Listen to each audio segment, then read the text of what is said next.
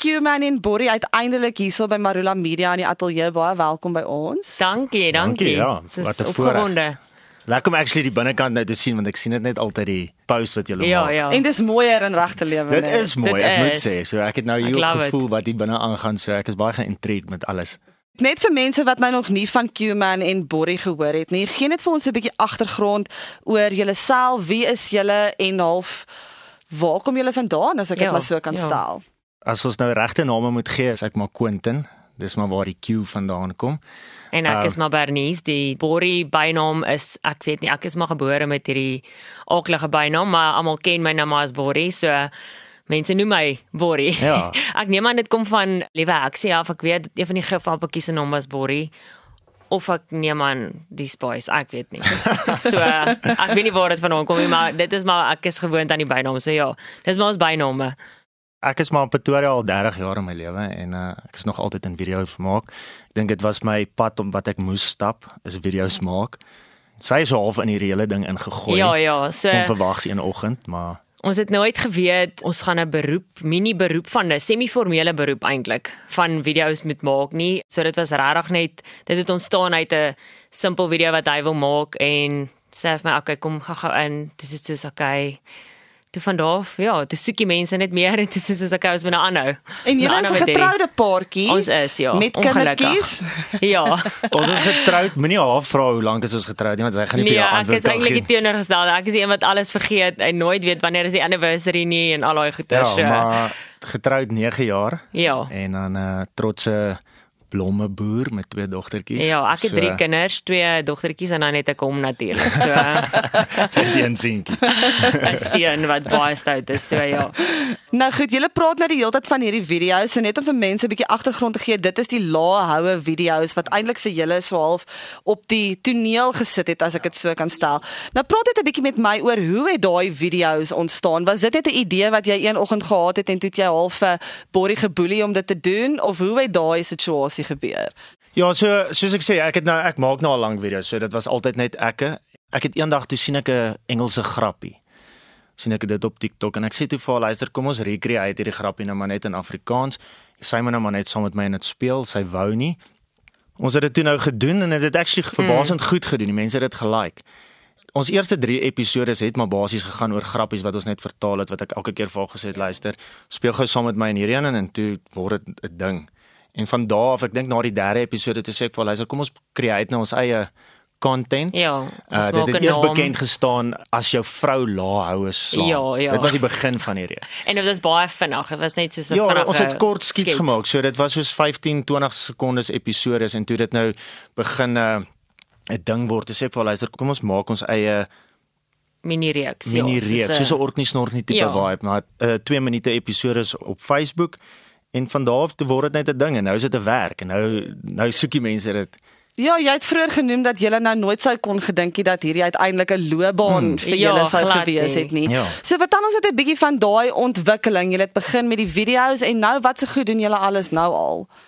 So ek is maar nog steeds in die video maak. So dit is nou my beroep. So as ek nie hierdie goedjies doen, die lae reeks nie, is dit is ek maar 'n videograaf oor die algemeen. So ek doen maar trou video's en corporate video's. Dit is hoekom ons actually ook so 'n bietjie goed doen want ek ek het die agtergrondkennis, Ja, ek het die equipment. die equipment en die programme en al daai goedjies. So ons kan so 'n bietjie meer details in dit. Dis my werk. Ja. Sy 'n regte werk. So Ja, ek is in die opleiding en in die ons doen eintlik die ingenieursbedryf opleiding so ons fokus baie op die jeug. Alles is maar gratis, so ek kry die fondse en dan doen ons dit. So ek het eintlik lank besef ek is eintlik al ek wil amper sê 'n philanthropist. Ons help baie jeug om werk te kry en opleiding te doen. So die passie is maar daar om om ander te help. So ja.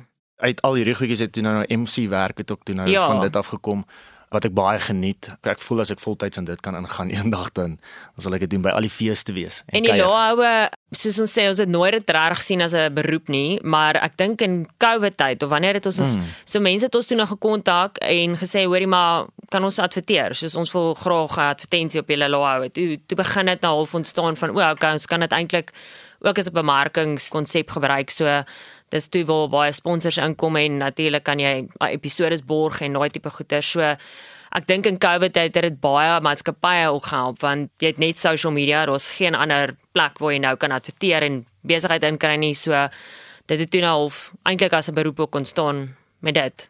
So net vir mense wat nou nie heeltemal seker is wat lae houe is nie, wat is die konsep daarvan of waaroor gaan dit? Jy het nou gesê dis grappies, maar wat presies behels dit?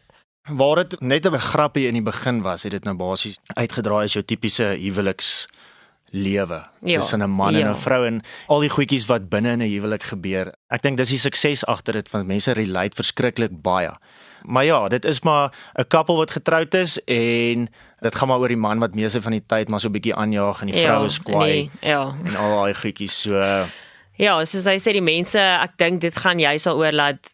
Ons het toe nou besef dis baie relatable, soos dit gaan oor huwelike daar buite. So ja, dit was nou nogal snaaks om al die stories te hoor van die mense en hoe hulle hoe hulle sê hoorie maar ons is presies dieselfde. Soos Ja. so ek dink dit is hoekom die mense dit ook so baie geniet, ja. Nou dit klink asof julle verskriklik besig is en as mense ook kyk na julle Instagram, julle is omtrent op en af. Hoe balanseer julle julle persoonlike lewe met al hierdie ekstra goed wat julle nou ook nog moet bydoen? Ons het so 'n bietjie van 'n skedule, so as ons kom by die lawhouer dan ons sê nou Woensdae shoot ons so ek byvoorbeeld sal nie my meetings reël my werk, ek sit my werk so op een kant. So ons probeer ook maar half kyk na, jy weet, 'n struktuur stel. Dit is maar moeilik met die kinders omrede jy op naweek is ons maar meeste van die tyd besig, soos MC werk en omdat hy in troues in is, troue. So ons probeer maar kyk soveel as moontlik wanneer ons tyd oop het om saam met ons kinders tyd te spandeer, om alleen te wees, jy weet, om bietjie daai private lewe te hou. So ja, ek sal maar sê ons probeer maar regtig kyk na 'n struktuur en soos ons sê naweke weet ons nou al ons is besig Woensdae shoot ons so die res van die tyd probeer ons maar ja, ons balanseer dit, ons wing dit. Ons gaan Ja, maar ons is deur die ook lewe. bietjie tyd vir kuier ook so. Ja, ons ja, is nie ons is anti-social nie. Ja. Ons uh, geniet nogal uh, om uit te gaan en ons is nie daai tipe mense wat in ons huise sal bly en wil Ja, weg ja. bly van die Ja, ons publiek is- af nie, maar Ons hou van die mense. ons hou van die mense. Ek like dit om in die by die mense te wees Ja. en hulle stories te hoor en al daai goedjies. Is julle nou al op die punt waar mense julle in die spar kom groet? Loop mense julle al trompel? Nee, definitief, ja. Ja. So Ja, nou dit nou is moet ek 'n sonbril aansit as ek my make-up aan het. nee, ek het dan nie van daai met te hoed nie, maar ja, nee, ons kry gereeld. Ja, jy kan in die winkel of waar ook al, veral soos wat hy sê as ons na plekke toe gaan en jy weet daar daar's mense wat al 'n paar brandewyne in het. Hulle is nou gereg om ons te kom groet dan kry jy die fotootjies en die hallo's en die Ja, so ja, nee, dit gebeur gereeld. Hoe hoe harder die kuier, hoe meer kom hulle op. Ja, dit is ja. van hulle bietjie guts het. Maar dit gebeur. Oral waar ons gaan, soos in die spar sal iemand groet. Kom ons praat 'n bietjie oor die content creators toekenning wat julle gekry het van DStv. Wat het daai toekenning vir julle beteken? Daai vir my was maar net soos 'n uh, dit is na hoeveel jare vandat ek actually my eerste kamera gekry van video's maak. Daai was maar net soos die ultimate hoogtepunt in my lewe om actually erkenning. uh, erkenning Ja. te kry vir wat jy doen. So onthou net back in the day toe social media nog nie regtig bestaan het. Toe maak ek nou al video's en ek het altyd gedink ek wou altyd gehad het mense moes my ken van my video's en my werk erken en lag vir my goedjies en ek het altyd geglo dit sal nie gebeur nie want eerstens dis jy maak net stupid videoetjies op Facebook en toe gebeur dit, toe kom social media en dit help en eventually kry jy na Jesus, ek weet nie hoe lank net. Soos hulle sê dit vat 10 jaar lank om 'n overnight sukses, te maak. bereik. Ja, ja. en om daai trofeetjie te kry Ja, dit is was net net alles. Ek meen hy het nou al van kleins af hy hoor dit as ek hierdie storie vertel, maar hy het regtig al van kleins af het sy pa vir hom 'n videokamera gekoop en dan het hy 'n Walkman vas aan die videokamera gesit om daai klank te kry en dan maak hy 'n Ja, videoetjie. so, So, ja. dit kom vir hom al so so lank en vir my is dit net lekker om daar te wees. So Ja, ons spot Ek is soos altyd. dankie vir die erkenning vir Ja. my uh, bietjie Ja, werk wat ek gedoen so- het, maar ja. Ja, dit was die hoogtepunt maar ons spot altyd ek maak al so lank video's en van dit borrie deel is vir my video's toe op toe Toe wil die mense dit nou kyk. Ja, toe word dit suksesvol. So uh, Ja, obviously. so ons het mekaar nodig, ons kan nie skei nie. Dit is eintlik waar dit neerkom. Ons is baie lief vir mekaar, so ons kan nie, nie ons is nou Ja. stak. Maar as ons moet, sal jy nog steeds jou man moet dan nou maar net aanvaar ons gaan gou 'n video shoot. Ja, maar jy sien dis waar ek gaan invoices begin stuur, want ek invoice hom glad nie vir my harde werk nie. So dan moet jy begin betaal. Nou verklap 'n bietjie vir ons of gaan ons nou 'n bietjie eendag vir Buurman sien of gaan ons nooit met hom kennis Ag, maak? daar is nie? altyd. Dis 'n groote.